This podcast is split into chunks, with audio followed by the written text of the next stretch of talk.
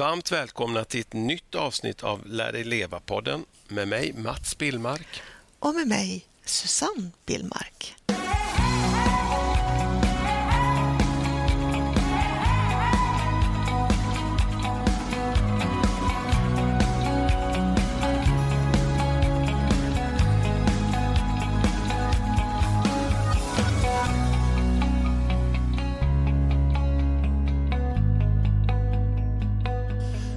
Vi läste, eh, vi läste för några veckor sedan om en intressant artikel i lokaltidningen, vår lokaltidning här i Kalmar, om, som har en artikelserie om barn och ungdomars stress och psykisk ohälsa. Och där var, läste vi om en tjej som heter Lova Hodding. Mm. En jäkligt intressant artikel, så vi tog kontakt med henne. Mm. Så vi har bjudit in henne i dagens avsnitt. Yes. Välkommen Lova. Tack så jättemycket.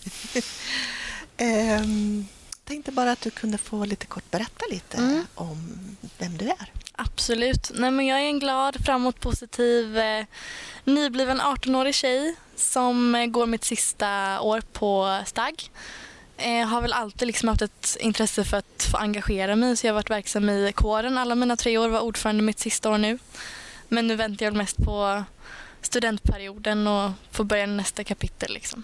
Slutruscha. Precis, Mm. exakt. Vad nästa kapitel blir kan vi ta senare kanske. Ja, exakt. Mm. Mm. Du bor eh, på södra Öland eller vad man ska säga? Ja, jag Dina- bor i Färjestaden. Ja, med familj. Mm, Mm. Precis. Två småsyskon och två hundar också. Så du är äldst i familjen. Ja. Mm. Fint. Mm. Vi eh, kontaktade ju dig därför att vi tycker att det är lite intressant med, ehm, med framförallt ungdomars ökade psykiska ohälsa. Och Ja, Vi har- även stress. Och, ja, vi har ju också hört att det, allt. många ungdomar är stressade idag. Mm. Och då tänkte vi, kan inte du bara berätta lite grann hur, eh, hur det blev för dig? Ja, nej men och där hade väl liksom en kåren en väldigt grundande orsak till det. Liksom. Jag har väl alltid ända sedan jag kan minnas alltså älskat att ha mycket bollar i luften och hitta på många olika saker bara för att det mesta jag jobbar på tycker jag är väldigt kul. Och jag går in för det helhjärtat, precis allting jag hittar på också. Liksom. Eh, men det var framförallt, någonstans tror jag att det började nästan byggas upp ja, men under sommaren för att jag jobbade väldigt mycket. Men jag älskade också mitt jobb, tyckte det var jättekul, hade världens bästa kollegor. Eh, höjdpunkten på dagen var liksom att åka till jobbet och det var ju också en tacksamhet att det fick vara så. Liksom.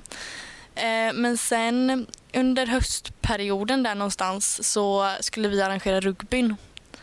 Och jag tror att väldigt få personer förstår hur mycket jobb det faktiskt ligger bakom den. Jag kanske bara berättar, jag har Ja. själv sett de här rugbymmarna. Det är en jättehöjdpunkt för gymnasieskolorna i Kalmar. Exakt. Man möts i sporthallen som är utsåld till sista mm, plats. Ja, Ett Två verkligen. skolor tävlar mot varandra. Ja, i en rugbymatch som är Mm. jätteuppskruvad på alla Ja, sätt gud ja. Det är ju tiotusental på liven och Mm. flera tusental i publiken. Liksom. Mm. Så det är ett stort ansvar att ha på sina axlar. Mm. Så. Ehm, och det var nog där liksom det började trappas upp ännu mer och också det här att det var så tufft och speciellt att veta att man har ansvar för en så, en så stor sak. Liksom. Mm. Att det var, om någonting skulle gå fel så var det mitt namn som pajades även om det var sponsoransvarig som hade gjort något knasigt. Liksom. Vad hände med dig då? Ja, alltså jag märkte väl, blev väldigt trött, väldigt lättirriterad. Ehm, fick ju liksom mindre och mindre närvaro i skolan. Får jag bara bryta in där? Mm. Jag tänker, det här med prestera och sådär, eh, har det alltid varit så för dig att du, du liksom verkligen alltid har presterat på ganska hög nivå i skolan och vad du än har gjort så vill du göra toppresultat? Ja, så har det nog alltid varit. Eh, och jag är van att liksom ligga bland de högre betygen och van att vara väldigt Jag ja, menar, men, duktig flicka. Liksom. Ja, Exakt. genomsyrade även när du skulle gå in som ansvarig för ett Precis, men här så lades ju liksom skolan var ju jag var nästan tvungen att plocka bort den biten Mm. och prestationen inom skolan utan här hade jag det istället på ett evenemang utanför skolan. Liksom. Mm. Så. Eh, men jag blev väldigt trött, fick mindre och mindre närvaro i skolan. Eh, märkte väl att liksom så här, även fast jag gick och la mig vid elva en kväll kunde jag vakna vid fyra dagen efter. Helt, helt slut liksom. Mm. Och det hade du inte varit med om innan. Nej. Men vilka, vilka liksom, hur visar det sig här fysiskt och psykiskt? Liksom? Ja, det... Fysiskt är trötthet givetvis. Ja, exakt.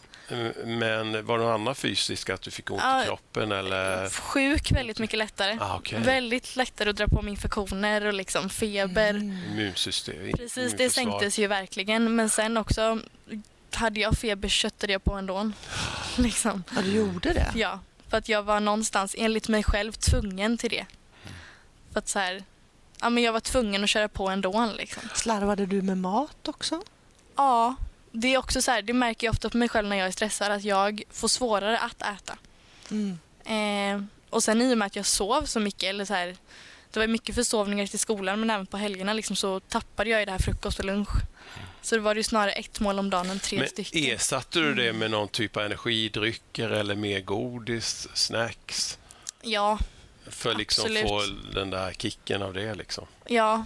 Nikotin och koffein och mycket sånt var det absolut. Mm. Och det ser man ju även så här, alltså jag baserar det på mitt jobb, alltså i alla stressiga branscher och ja, men i KL-livet också, det är nästan alltid någon, flera stycken som håller på med nikotin i någon form liksom. Mm. Så. Men alltså du kände dig trött, du sov mer, du... ehm, eh, rent psykiskt, hur kände du dig då? Hur mådde du då? Eh, ja men det var alltså ständigt trött och ständigt stressad liksom. Började du känna oro? Att börja Ja, oroa för mycket saker? oro, mycket ångest och mycket ångest på nätterna framför allt. På vilket sätt då? Ja, men jag kunde bli nästan så att man fick någon form av ångestattack och låg och nästan började få panik och då var jag så att då måste jag göra någonting för att dämpa den ångesten liksom. Okej, det är ju Det spännande. alltså Vad gjorde du då? Ja, men det var, jag hade ju liksom mina listor på det här måste jag göra i skolan och det här måste jag göra i kåren. För Ah, att skolan och kåren blir man ju aldrig ledig. Alltså, oavsett om jag är hemma eller om jag sitter på ett café så har jag fortfarande någonting jag kan göra hela tiden. Mm. Det är inte som ett vanligt jobb. så om du Eh, fick ångest eller blev orolig och fick ångest, kände, kände ångest på kvällen eller natten, då började Då var jag du tvungen prestera, att göra liksom. något. Ja. Jag var tvungen att göra någonting. Mm. Bara för att kunna dämpa det här för mig själv liksom, så att jag sen skulle kunna sova. Men om man, om man tittar då på den här ångesten, hur Mm. yttrade den sig? Vad hände? Vad skedde fysiskt och psykiskt med dig när du fick ångest? Jag har alltid haft väldigt lätt till känslor.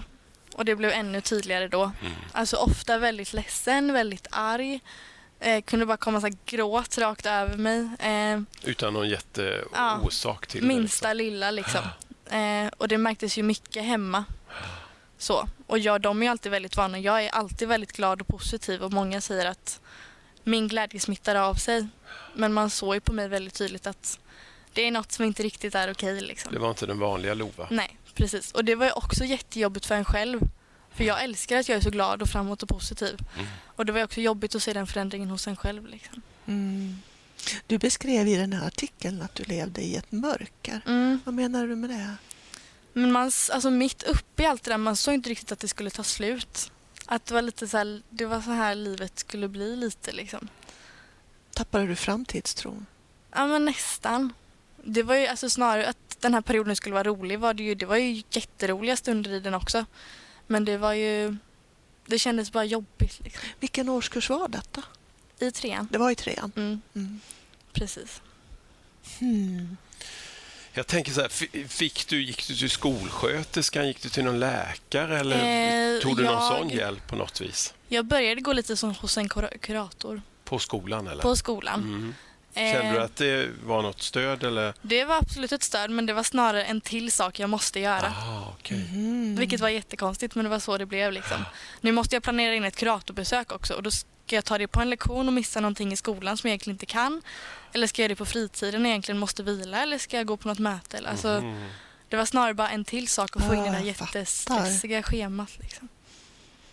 Mm. Ja. Och hur ofta gick du till henne? Nej, jag var bara hos han en gång. Okej. Mm. Mm. Så det blev nästan motsatt effekt? Ja, Och det tyvärr. var aldrig så att du gick till eh, eller hälsocentralen eller Nej, att det gick så långt? nej, Liksom? det gjorde det inte som tur var. Eh, så. Var aldrig att du hade någon tanke om att få, få hjälp med läkare eller med medicin eller Nej, någonting faktiskt sånt? inte. Okej. Eh, och det var nog, ja, men jag tror mamma och pappa lite också. Det var ju De var snarare rädda för att min frånvaro skulle bli ännu högre. Mhm. Så att i vissa stunder kunde inte de riktigt, det låter jättehemskt att säga men jag förstår dem ju också att man kunde inte riktigt se anledningen varför jag skulle gå dit typ. För att det var ju mer så här, jag var ju mer bara stressad typ egentligen. Inga, alltså, det var svårt att förstå att jag mådde dåligt egentligen. Men hur, jag tänker så här, hur öppen var du med, med pratade du med dina föräldrar eller kompisar Alltså- liksom, om det här? Hur, hur, liksom att du var, att du kände den här orostanken, att ångesten, du kunde känna Mm. ångest på kvällar och nätter. Var det något som du höll för dig själv eller var det något som du... Nej, alltså liksom, jag brukar inte ha, jag är alltid väldigt öppen med alla liksom, men det var lättare att prata med kompisar, speciellt de som var med i kåren. Eller de som har varit med och gått igenom det, en liknande händelse liksom. Eh, så jag pratade jättemycket med gamla ordförande, mm, för att kände hon- hon... eller han igen sig? Ja. Eller? Mm. absolut. Eh, men sen hemma, alltså det var snarare så att det fanns knappt någon tid att prata för att jag var iväg hela dagarna och kvällarna. Sen var jag tvungen att gå, gå och lägga mig liksom. Så. Om du nästan aldrig var hemma, hur kunde dina föräldrar märka att det var något som var tokigt? Ja, men det var ju de framförallt de, de fick ju, för då var jag ju 17 så de fick ju varje frånvaromeddelande. Mm. Eh, när jag hade missat en lektion eller när jag hade varit hemma och sovit. Mm. Så det var ju mycket liksom vita lögner från min sida. Ja men lektionen var inställd. Så. Aha. Och sen var det ju, de såg ju det här. Okej nu ligger hon och sover, klockan är fyra på dagen. Då kanske man inte är riktigt hundra. Och liksom. den förmånen hade du inte i ettan och tvåan? Absolut inte. Nej. Nej. Så då vad, tog de initiativet och tog upp det här med dig? Ja, de var ju mer så här, men de har ju mer varit rädda, vilket jag förstår, att min skola ska drabbas. Mm. Liksom. Mm. Men sen jag har alltid haft en väldigt nära relation med lärare och mentorer. De har ju varit väldigt så här, vi vill bara att du ska må bra. Allting kommer lösa sig. Det viktigaste är att du mår bra. Liksom.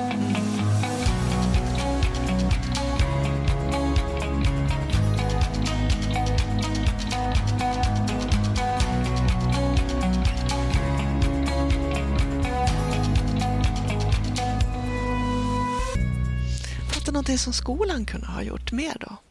Du hade en bra relation med lärare och mentorer och så, men Gud vad svårt, jag vet inte riktigt. Men sen alltså generellt skolan, jag... Just det här steget att gå och ta hjälp är oftast väldigt svårt att göra. För det är svårt att erkänna för sig själv att man mår dåligt. Liksom. mm. Eh, det var ju ingen som riktigt sa till mig att så här, du kanske ska gå och prata med han eller gå och göra det. Det var ju snarare ett steg jag fick ta själv. Liksom. Så det hade nog absolut hjälpt om alltså, någon sa till mig så här, men nu lägger jag in dig, nu får du vara schemalagd här. Liksom Mm. hos, hos den här kuratorn eller så. Eh, för jag vet bara, alltså, vissa ögonblick det var så här, ja, jag ska till kuratorn då. Nej men det är bättre att du går på min lektion liksom. Jag tänkte på det här vi, när vi snackade, vi träffades ju för en vecka Mm. första gången.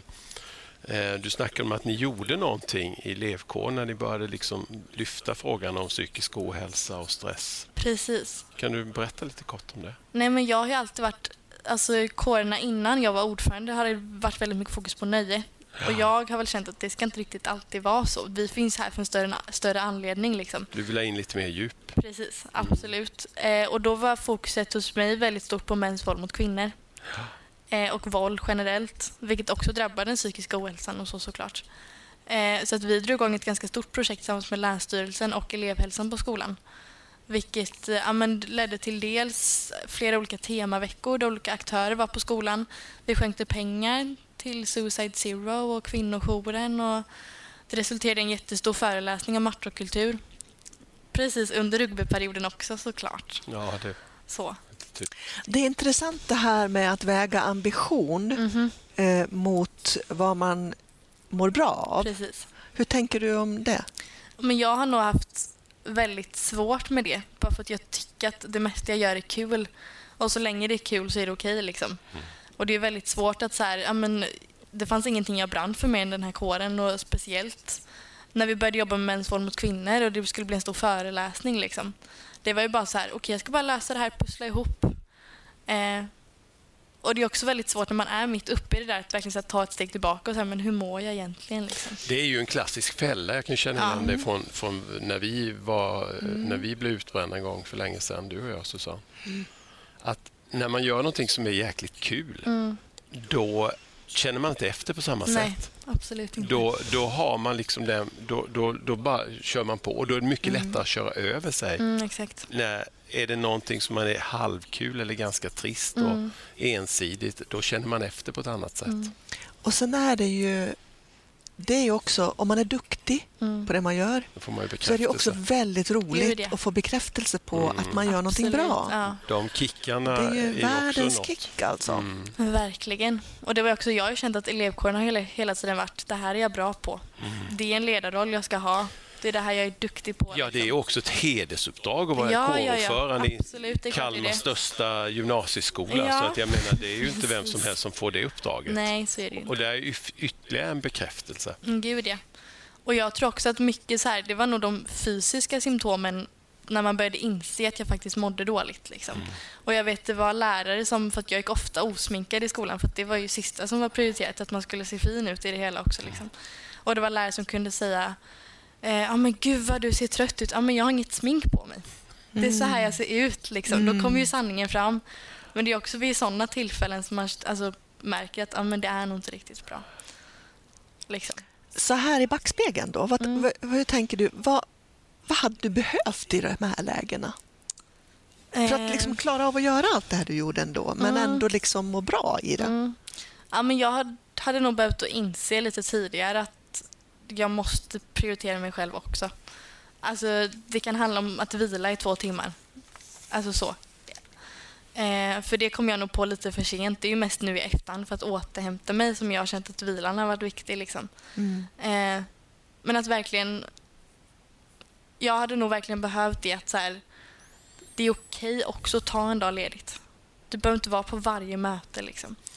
Skulle du också, känner du också att du borde tagit mer hjälp? Delegerat på ett annat sätt? Precis vad jag tänkte på. Mm.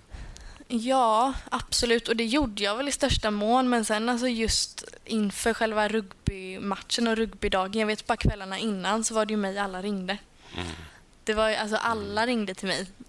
Så. Och jag vet att så här, jag var så dum och tänkte att ja, men jag går och gör mina naglar och så sätter jag mig och får liksom händerna fasthållna i 45 minuter och jag kan inte göra någonting på mobilen. Liksom. Jag kan inte svara på någonting. Eh, och det var precis innan, dagen innan rugbyn. Och det var ju liksom jordens jäkla stress också. Bara se hur alla nummer kommer upp och mejl och sms. Och, Jag tänker Ja. så här, eftersom eh, den som var ordförande innan dig Ja. också hade känt av det här, Mm.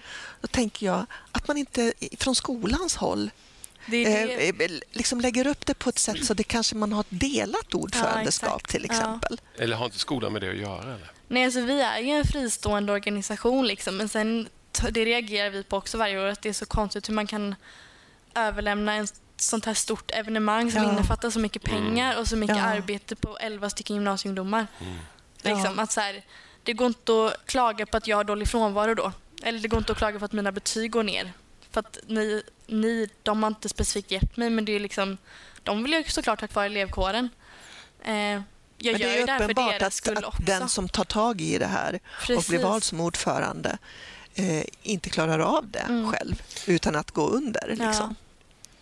Jag tänker på det här du sa när du gjorde naglarna där. Ja. Att du inte använda mobilen, att det Nej. blev som en paus. Precis. Det, du, jag vet att du nämnde också tidigare att eh, du jobbade, när du jobbade Mm. på någon restaurang jobbade du extra. Då kunde du inte heller. Nej, alltså det var Och helt... även om det var, det var jobb och det var stressigt så, så fick du låta bli mobilen så det blev nästan som en paus. Ja, alltså det var helt underbart. Och det var också därför jag ville jobba liksom in i det sista. Eh, för att, För att här- då fick du inte ha, använda mobilen. Precis, och det var en, som liksom en avslappning att veta att jag kan inte göra något kårjobb eller göra något skolarbete för nu är jag på jobbet. Jag ska följa deras uppgifter. Jag ska servera kunder mat. Liksom. Mm. För att jag vet för att min eh, kollega var med och gjorde rugbyn förra året. Och han var ju så här, du kanske inte borde jobba in i det sista nu. Fast jag vill. Jag mår liksom bra av att vara här. Mm. För dig var det ett an, Det var helt andningshål, annat och det liksom. var också så irriterande att folk, för att det var ju mamma och pappa också, att de förstod inte att så här, hon är där för att hon får en paus där liksom. Utan det var snarare en tredje grej jag skulle göra. Men jag såg det ju inte så liksom. Jag kan känna igen mig jättemycket. Nu ska Ja. inte handla om mig Ja, eller oss. verkligen. Men jag vet när, när och precis innan när vi gick in i väggen, eller jag gick in i väggen, då gick jag på akupunktur. Jag tror jag hade förmodligen ryggproblem redan då. Men, eh, och då vet jag att hon förbjöd mig att ha mobiltelefon. Mm. Och jag vet att jag kunde längta i två dagar innan Ja. det där. Det låter ju helt galet. Det låter ju lika galet med det, med det utav ett extrajobb Ja, för vila. Men jag känner igen mig i det att eh, eh, man, jag kunde gå och längta. Åh, nu är det bara två dagar till jag ska få lägga mig den där timmen Ja. som inte någon kan ringa mig eller nå mig. Exakt. Och klart, då har det gått lite för långt. Ja. Jag tänker också att det här ordförandeskapet har ju också förändrats till någonting ännu mer stressigt eh, de här senaste åren just på grund av att det finns en mobiltelefon. Mm. Så är det ju verkligen. Absolut. Eh, Att den här ordföranden ska vara nåbar hela Mm. tiden Precis. och komma med svar och frågor och svara på mejl. Exakt, och det ju, Konstant. finns ju en skärm i det också. Jag älskar ju det också, att vara ansiktet utåt och vara den person, Där har du personen man hör igen. av sig. Precis, där har jag också Mm. bekräftelsen. Eh, men det är ju jättejobbigt det också. Liksom. Mm. Men vad gjorde du för att komma igen sen? För, för att du har ju liksom hittat tillbaka igen Ja, från de här mörka det tiderna. har jag Och absolut det är ju, gjort. jag tänker på alla våra lyssnare nu, som, Mm. framförallt många som lyssnar som har tonårsbarn Mm. hemma. Eh, vad, vad, hur liksom, för att risken var, hade du inte tagit tag i det här så kunde det gått att de hade satt in medicin. Ja, ja, ja. du Absolut. hade kanske fått gå om sista året i skolan och Precis. sådär. Exakt. Det är ju spännande. Vad, vad liksom, hur fick, kom du på banan igen? Ja, för jag tänker det tog sex månader för dig att komma tillbaka Mm. ungefär. Eh, och det är en ganska lång period. Ja, och jag i tror inte jag är skolan. fortfarande helt hundra Nej. tillbaka heller. Liksom. Men jag tänker man kan inte sjukskriva sig från skolan. Nej, vad, vad, absolut vad hände? inte. Hur gjorde du? Eh, nej, men det... Eller vad gör du? Ja, nej men alltså det bildades nog en mer acceptans att vila och ta det lugnt efter det. För att jag lärde nog känna min kroppssignaler när det var så här. Bara direkt efter rugbyn fick man en helt annan bild av det liksom. Och när jag fick de här kvällarna eller de här dagarna att okej men nu kan jag bara nu kan jag åka hem efter skolan och lägga mig och vila. Och det har jag inte varit med om på tre månader liksom. Och det gjorde du också. Ja, men det fanns ju ett ständigt sökande att jag måste hitta på någonting. För att det var var skitjobbigt att åka Mm. hem och inte göra någonting. Ja, för jag tänker efter ett sånt stort engagemang Ja. som rugbyn var och sen också det här projektet ni hade. Precis. Eh, när sånt är över så blir det ju gärna en, en tomhet. Exakt. Det var ju jätteskönt de första veckorna men sen var det ju så här, gud jag måste göra någonting. Jag får panik, jag kan inte bara ligga hemma Mm. liksom. Eh, och sen märkte jag också att jag tappade så mycket av det här att plugga och tappade min studieteknik. Att så här, jag visste inte hur jag gjorde längre liksom. Mm. Men hur hanterade du allt det här? Ja, men jag, Vad fick dig att verkligen åka hem och vila? Ja, men det var nog... Gud, vad svårt att säga. Det, jag tror att ja, men min omgivning också var väldigt duktiga på det. Alltså så här, nu åker du hem. Alltså det var också så här, jag behövde nästan någon som sa det till mig. Att nu liksom, Mm. lägg dig och vila. Ehm, och sen blev det automatiskt mycket mindre att göra, vilket jag trodde hjälp, hjälpte väldigt mycket också. Eh, men att så här, låta mig själv sova ut, låta mig själv vila, eh, göra saker jag tycker är kul och verkligen så här, försöka planera in det också. Typ. Men eh, jag tänker på något annat runt omkring. Träning, Mm. mat. Blev, Mm. blev du mer noggrann med att du käkade regelbundet? Ja, alltså matlusten kom ju tillbaka. Bättre, äta bättre framförallt. Ja, alltså så fort jag var tillbaka till ja, men de riktiga rutinerna så fick jag i mig målen som jag skulle och matlusten kom ju tillbaka när all stress minskade. Liksom. Så det var jätteskönt. Eh, så. Men träning, jag har varit väldigt dålig på att träna. Vi har hundar hemma så jag går väl med dem någon gång ibland. Det är ju en träning i. Eh, ja. Men det var nog... Jag tror att det hjälpte att bara ställa sig utanför allting det här. Allt Blev du bättre hänt, på att säga liksom. nej också? Ja, När någon ringde och säga. sa, "Ah, men ska du med dit och nu, nu händer det, Det där, det är fest där och det är hit och dit. Ja, det var jag verkligen. Och jag tror, alltså jag är helt liksom utan anledning egentligen så bara minskade allting. Mm. Vilket hjälpte jättemycket tror jag också. Mm. Allting minskade för att det skulle göra Ja. det. Eh, och det kom i grevens tid kan man väl kanske säga. Precis. Eh, frågan är ju, vi vet ju inte vad som hade hänt om det inte hade Nej. gjort det. Exakt. Men ehm, Jag tänker att du känner att du inte är helt återställd än. Mm. Eh, vad är det för signaler liksom du märker av Um, att, att nu, är liksom, nu är, håller det på att bli för mycket igen? Eller hur, hur reagerar liksom både psykiskt och fysiskt på det? Nej, men jag bara märkte för några veckor sedan, en månad sedan, att mitt hår här i luggen har gått av. Och det är väl också som en biverkning av allt eh, Absolut. stress och dåligt, dålig mat och så också. Eh, men jag märker det. Alltså, s- även fast jag, jag tror att min sömn är väldigt så här, tydligt visar på hur jag mår och inte. Om även om jag går och lägger mig tid på kvällen men sover de där extra timmarna så är det liksom okej, då var vi lite tillbaka här igen. Eh, och liksom börja tänka efter och verkligen så här nu försöker jag ju snarare tänka hur jag kan förändra min livsstil för att må ännu bättre liksom. Och så tänkte jag inte innan. Hur tänker du med skärmtid och sådär? Har du dragit ner det eller är det, eh, ingår det i Mm, det är att, liksom, att du ska varva ner och ta mer hand om dig själv? Har det med, har någonting att du säger nu ska jag inte sitta eh, framför skärmen de och de timmarna på kvällen eller kanske precis innan du ska sova? Eller tänker du inte alls i de banorna? mm, nej, det gör jag nog inte eller riktigt. sociala medier och allt? Nej, det gör jag nog inte riktigt. Men eh, det är nog också lite en form av avkoppling. Men sen så känner jag ju liksom att när, så fort jag blir trött så är jag väldigt duktig på att lägga ifrån mig allt istället för att fortsätta kolla de där extra timmarna. Liksom. För att då känner jag att jag hellre lägger mig och sover. Så det är nog snarare lite sånt. För det är ju också någonting som vi brukar stöta på eh, många gånger när människor säger att ja, men jag vilar och jag får återhämtning. Mm. Och, och jag, eh, eh, aha, vad gör du då? Ja, men jag sätter på en serie på TV. Ja, nej, eller så är det inte vad det är riktigt. för någonting. Och Ja. det är ju egentligen inte riktigt vila. Nej. Då blir det nya intryck och nya Precis. intryck för Ja. hjärnan. Det är ju... Ja, för mig så är det ju verkligen sömnen. Mm. Och när jag väl ligger och sover så vilar jag. Liksom. Och hur mycket sover du per dygn? Eh, ja, men jag sover nog ja, men sju, åtta timmar i alla fall. Mm. Det är ju mer på helgerna, såklart. Eh, Lä- Hur dags lägger du dig på kvällen ungefär?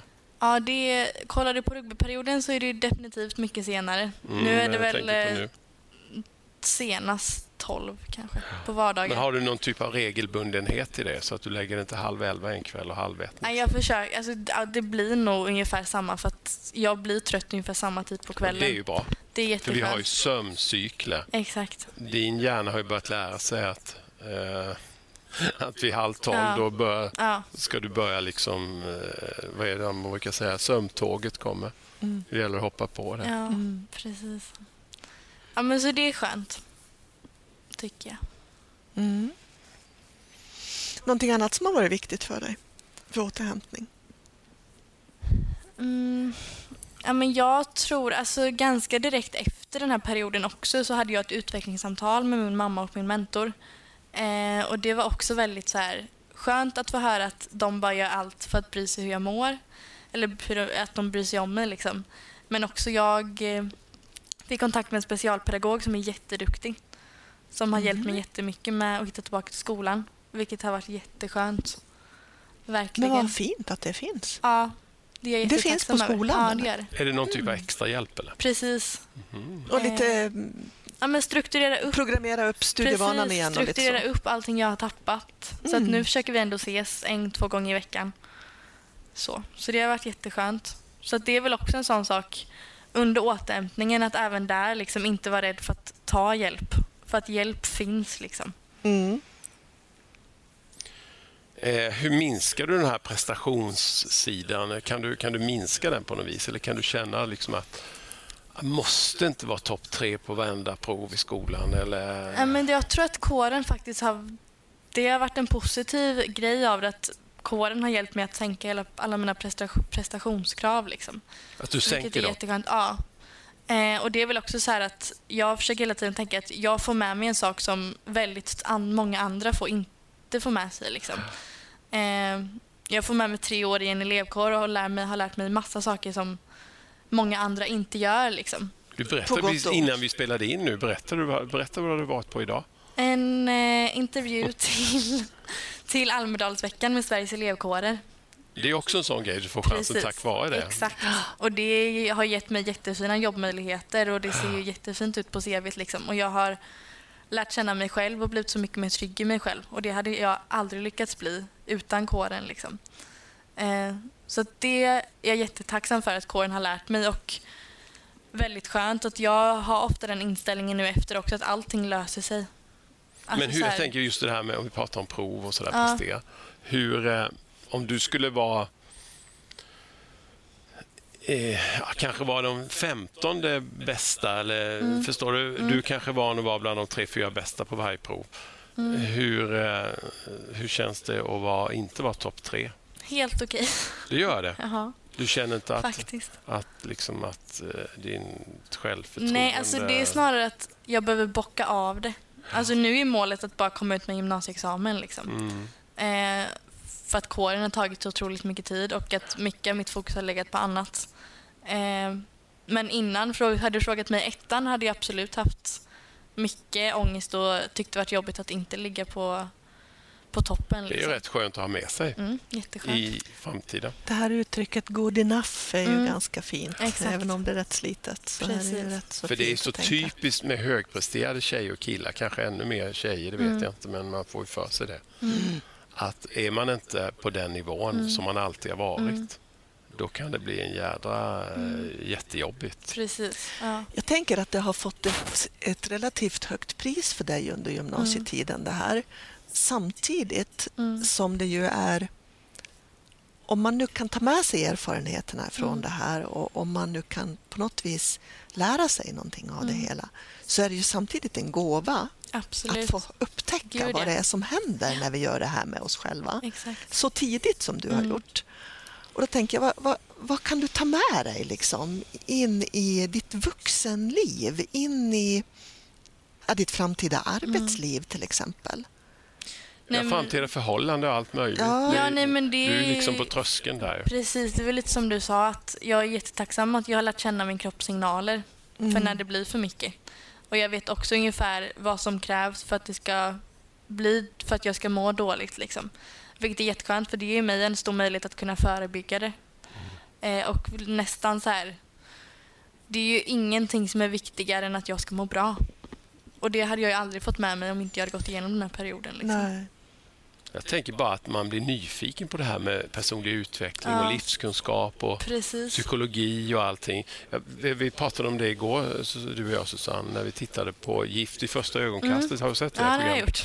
Eh, Jag lyssnade på en podd med han, jag kommer inte ihåg han heter, Arvid. Han som kom på hästen. Rid, han som, han som Han, gifte eh, kaptenen. han som kaptenen Ah, vad han är. Mm. Han berättade att eh, han, när han var 17 år så mådde inte han alls speciellt bra. Nej. Och, så han åkte på en sån här eh, livsåskådningskurs liksom, med, med livskunskap och Ja. personlig utveckling. Och Då kom han till en kursgård och det finns, fanns ingen som var under 60 år som gick på kurs och han var 17. Ja, gud. Så de trodde att han tillhörde serveringspersonalen. Typ. Aha. Men han blev liksom, och då vet jag, jag tror det var Agneta Sjödins podd, eh, Så in i själen hette den. Då sa hon det, men vilken gåva, tänk du var 17 år och få liksom börja bli nyfiken på att liksom Absolut. utvecklas som människa. De flesta av oss, vi behöver ju bli 35-40 och gå in i väggen innan vi liksom börjar fatta att eh, det finns massa bra verktyg att ta till. Precis, exakt. Och det är ju en gåva. Jag kan Gud, tycka ja, att absolut. att eh, tar du vara på det här nu Mm. så kan du ha med dig massa gott in i framtiden. Mm. Det är viktigt att påminna sig själv, för vi Gud, ja, glömmer ju så absolut. himla lätt. Alltså. Mm. Verkligen. Har du skrivit dagbok under den här tiden? Nej, men jag har alltid haft väldigt... Eh, ja, men för att bearbeta saker så jag har mina små drive-dokument och det kan bara komma liksom när som helst och att jag sätter mig och skriver. Mm. Och skriver lite så här småtexter och, och så. För man kan också glömma bort hur dåligt man mådde. Precis. Ja. Men det är, samtidigt är det ju fint att läsa Mm. hur man har tagit sig ur det hela. Exakt. Ja. För det glömmer man ju också. Mm.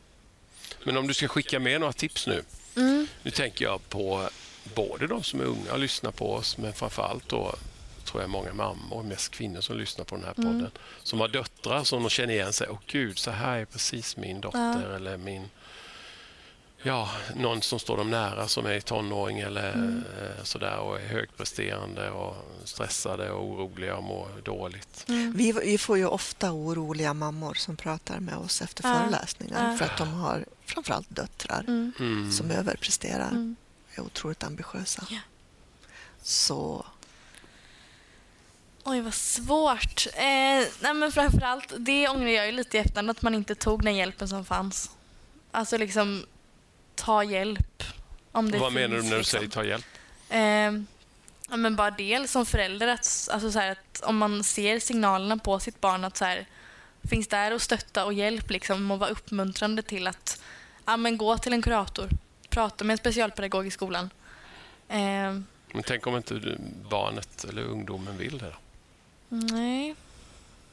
Hur ska man få någon att inse att de på något sätt behöver den här hjälpen? Vad hade du behövt? Sen kan ju också föräldrar vara nära också. Kan lite Exakt, för nära också. absolut. Gud ja. ja men jag hade behövt att någon sa det till mig nästan. Faktiskt. Mm. Eh, för att när man är så uppe i det där så känner man att det kanske är det som är normalt. Eller det kanske är så alla mår. Liksom. Eh, men jag hade nog behövt att någon ja, men någonstans också på riktigt frågade hur man faktiskt mår. För att det är så lätt det där ytliga svaret. Eh, Att man inte bara nöjer sig med, med att ja, det är väl okej eller det, jag mår väl hyfsat. Jag tänker också, ehm, om det nu är några ungdomar som lyssnar på Mm. det här, så skulle man ju också kunna tänka sig att man frågar om det är någon som mår så här dåligt. Mm. Finns det någonting jag kan göra för dig? Precis. Mm. Eh, men då vill det ju till att den som är så här ambitiös som Mm. du var då eh, kan säga ja men du det gör det faktiskt. Mm. Eh, Det här att våga släppa på sitt ansvar, Precis. Mm. kan det vara något viktigt? Det tror jag absolut och där tror jag också att alltså, skolan som organisation har ett jätteviktigt ansvar att vi måste normalisera det här. Det är ju ingen som Mm. liksom pratar om det. Enda gången jag och vi har snackat om det nu det är på, i psykologi 2 när vi läser om psykiska sjukdomar. Liksom. Mm. Eh, så att absolut normalisera ämnet. Det Också tror vi jag. snackade om, när vi träffades första gången, snackade vi om det här med killar, Exakt. jämnåriga killar Ja. som har inte lika lätt för Mm. de, att liksom lätta på sitt hjärta Mm. och, och våga snacka när de mår sämre. Precis. Det är också en väg och det vet jag inte hur man ska få killar. Och... Det måste ju finnas någon som, som visar vägen och liksom vågar Mm. tala om att man mår hit. Och det finns ju sådana killar med, liksom det finns tjejer som du, Mm. som gör stor nytta genom att Mm. öppna upp. Mm. Precis. Om någon hade kommit till dig och sagt så här, en mitt i rugbyplanering och, och det här projektet och så, ehm, kan jag hjälpa dig med någonting? Mm. Hade du kunnat svara då och säga, ja men visst du skulle kunna göra det här och det här och det här? Du menar rent praktiskt? Rent konkret, rent praktiskt, avlasta den där listan liksom. Mm. Det tror jag också är lite så här duktig flicka-syndromet, att man ska klara allting själv. Mm. Att man är liksom ska ha kontroll Finns det några råd där du precis. kan ge då? Att, men du, du sa ju det, ta hjälp sa Ja. du ju faktiskt. Ja, men att ta hjälp och liksom våga släppa på den där spärren lite. Mm. Så. Mm. Alltså att sänka kraven hos sig själv också. Mm. Och göra det lite innan det blir för mycket och innan det blir jobbigt. Liksom. Mm. Eh, att någonstans här påminna sig själv att det är viktigast att man mår bra. Mm. Liksom. Sen tänker jag också det här med att man snackar med sina föräldrar som kan vara lite nära. Mm, exakt. Eh, att det, alla skolor har väl en kurator Mm, som har tystnadsplikt. så är det absolut. Och Mm. Det tror jag också är riktigt att skicka med. Mm. Gud ja. Att eh, Vill man inte ta det med sina föräldrar så kan det vara rätt skönt Precis. att upp, liksom öppna upp sig. ja. Mm. Och sen är det bara att alla ska vara medvetna om det. Det tror jag inte att alla är heller Nej. på skolan. Du att det finns en kurator? Ja, men jag tror alltså...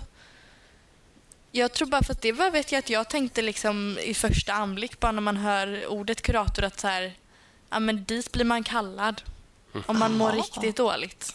Aha. Nästan. Eller dit skickad? Di, ja, precis. Aha. Ja, Då skickar vi med det nu. mm, Att man faktiskt kan ta kontakt Precis, med kuratorn. exakt. Ja, men jag tänker också att föräldrar som känner att de inte kan nå fram till sina söner eller Mm. döttrar.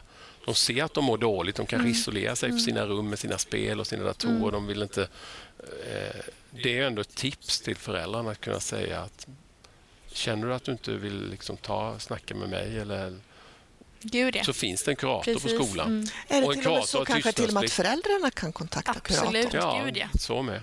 mm. Mm.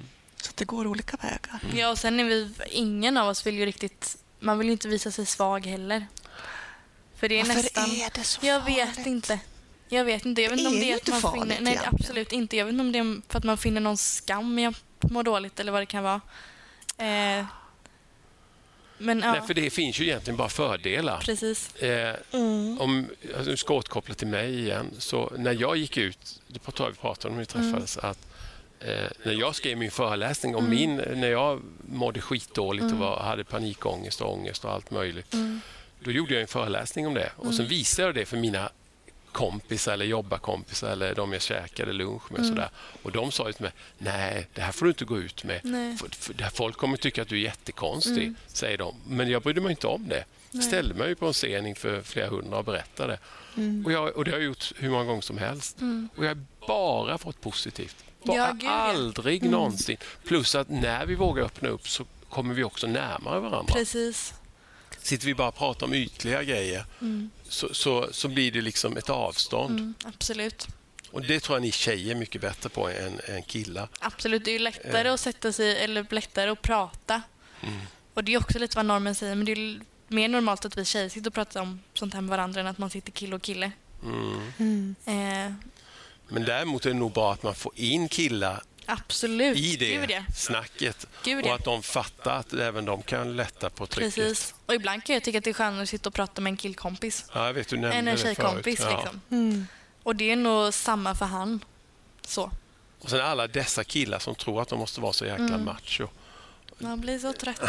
Och vilken stress det måste Ja. vara i Ja, många. faktiskt. Ja. Det kan ju ingen må Och bra tro, de tror inte att det är attraktivt, attraktivt att vara sårbar och Nej. visa, vilket det är precis tvärtom. Mm. Ja, det kan jag absolut. Kan jag som tonårstjej absolut hålla med om att det är mycket mer attraktivt. Mm. Mm. Mm. Det skulle verkligen många killar behöva Gud höra. ja, absolut. Att det ska vara så svårt för killar och män att fatta vad det är vi tjejer och kvinnor vill ha. Ja. Mm, precis.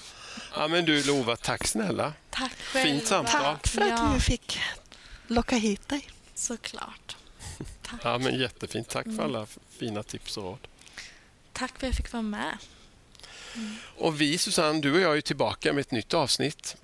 Och nu ska vi Mm. säga, vi kommer ju alltid, alltid första måndagen i varje ny månad. Mm. Så vårt nästa avsnitt kommer då måndagen den 5 juni. Mm. Så då ses vi och hörs då. Eller ses gör vi inte, men vi hörs. Det gör vi.